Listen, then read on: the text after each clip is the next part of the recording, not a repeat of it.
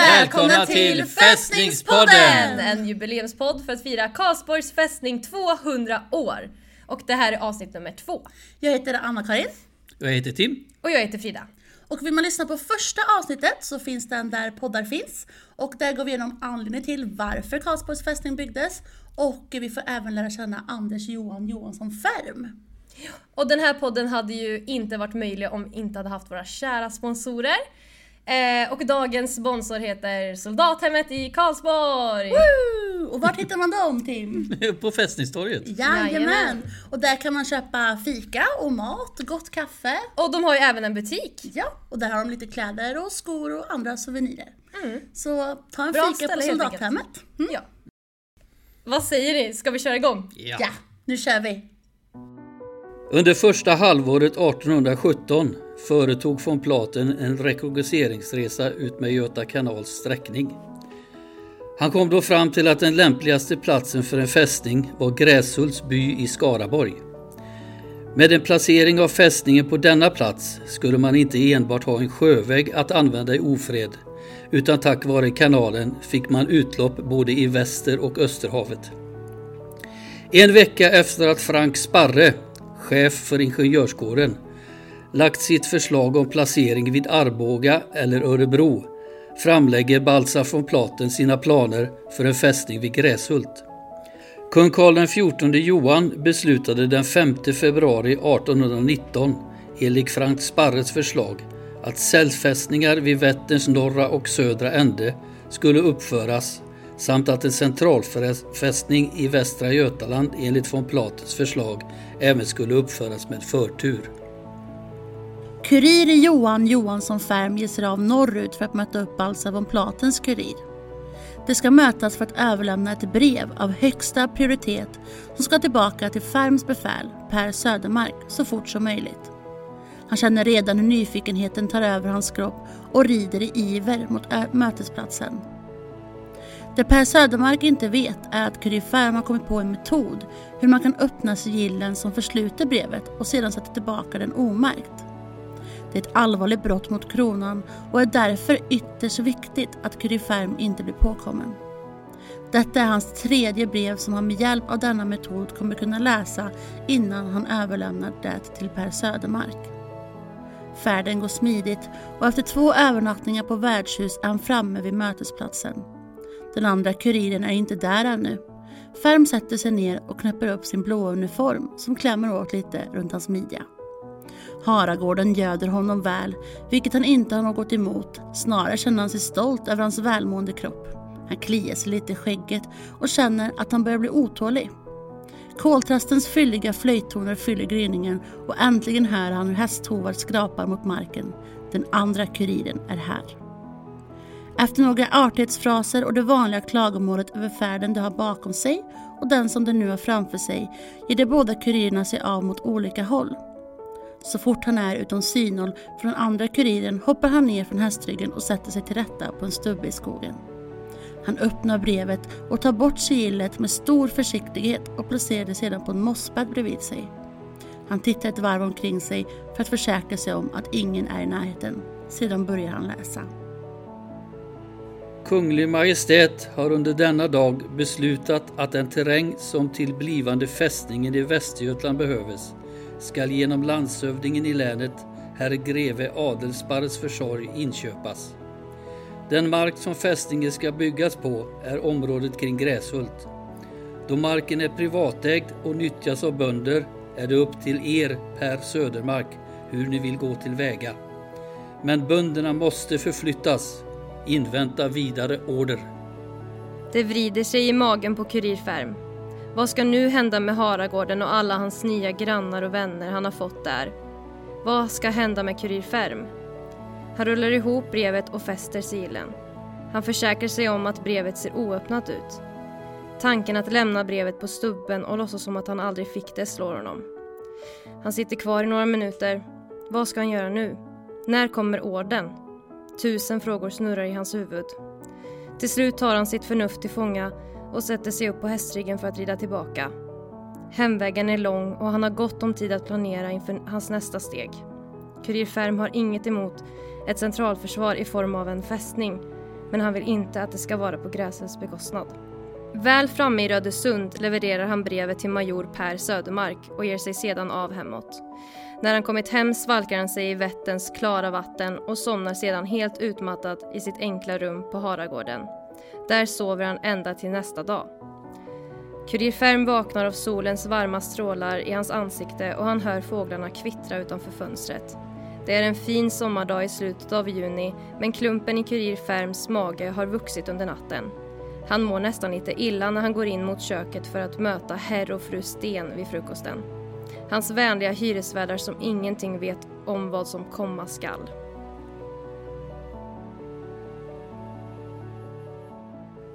Vad som komma skall. Undrar vad som kommer hända med bönderna i Gräshult då? Mm, det verkar inte som han vill vara en bonde nu i Gräshult i alla fall. Nej, inte 1819 i alla fall. Nej. Nej. Men du Tim, vad menas med de här cellfästningarna som kommer byggas i norr och söder som de pratar om? Ja, det var ju två fästningar som skulle då förhindra, f- förhala fienden att nå Karlsborgs fästning. Som ju då var en eh, central eh, förrådsfästning. Och eh, där förvarades ju bland annat då arméns eh, huvudförråd. Var de två mycket mindre då, fästningarna? Det var ju rena försvarsanläggningar. Karlsborgs fästning var ju större för det fanns ju mer eh, personal och det fanns ju de här förråden då. Så sagt. Utrymme till guldet. Inte minst. Kan man säga då att Karlsborgs fästning hade varit den viktigaste fästning av alla de tre om alla hade byggts? Ja, absolut. Ja, hur gick det då med Frank Sparres förslag om fästningar i... Örebro och Arboga?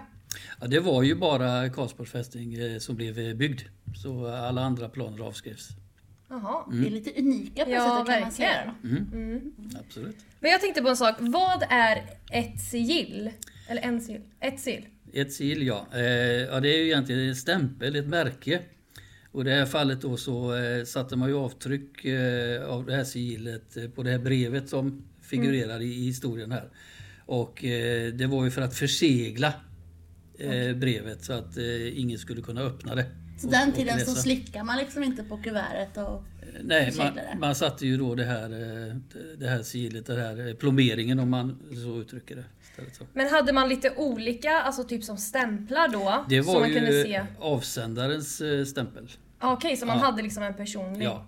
Ja. Så jag hade haft en som det stod Anna-Karin, turistinformatör på. Yeah. Eller någonting sånt. Ja. Vad var det gjort av då? Sigill eller vad? Ja, det var lack, vax eller liknande Mm. som då stelnade när man hade gjort det här avtrycket med, med själva... Ja, det är en sån Sigill. man bränner på och så Ex- droppar det på kuvertet och så Precis. stämplar man sen. Sånt som många gör till jul Ja. eller? Mm. Är det av Ja, samma ja, material? Precis, liksom? exakt. Ah, okej. exakt. Mm.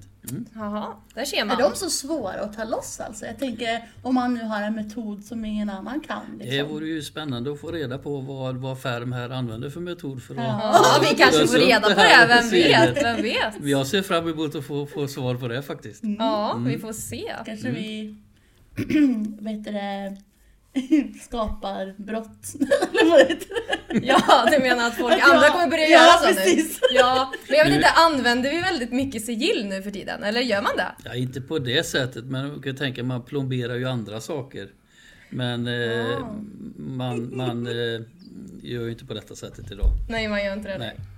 Det Nej. kan vara mail Frida. Ja, exakt. Det var väl det jag tänkte. Hemlighetsstämplade mail. Ja. Men jag tänkte på en annan grej, det här med värdshusen som Mm. Det stod om här.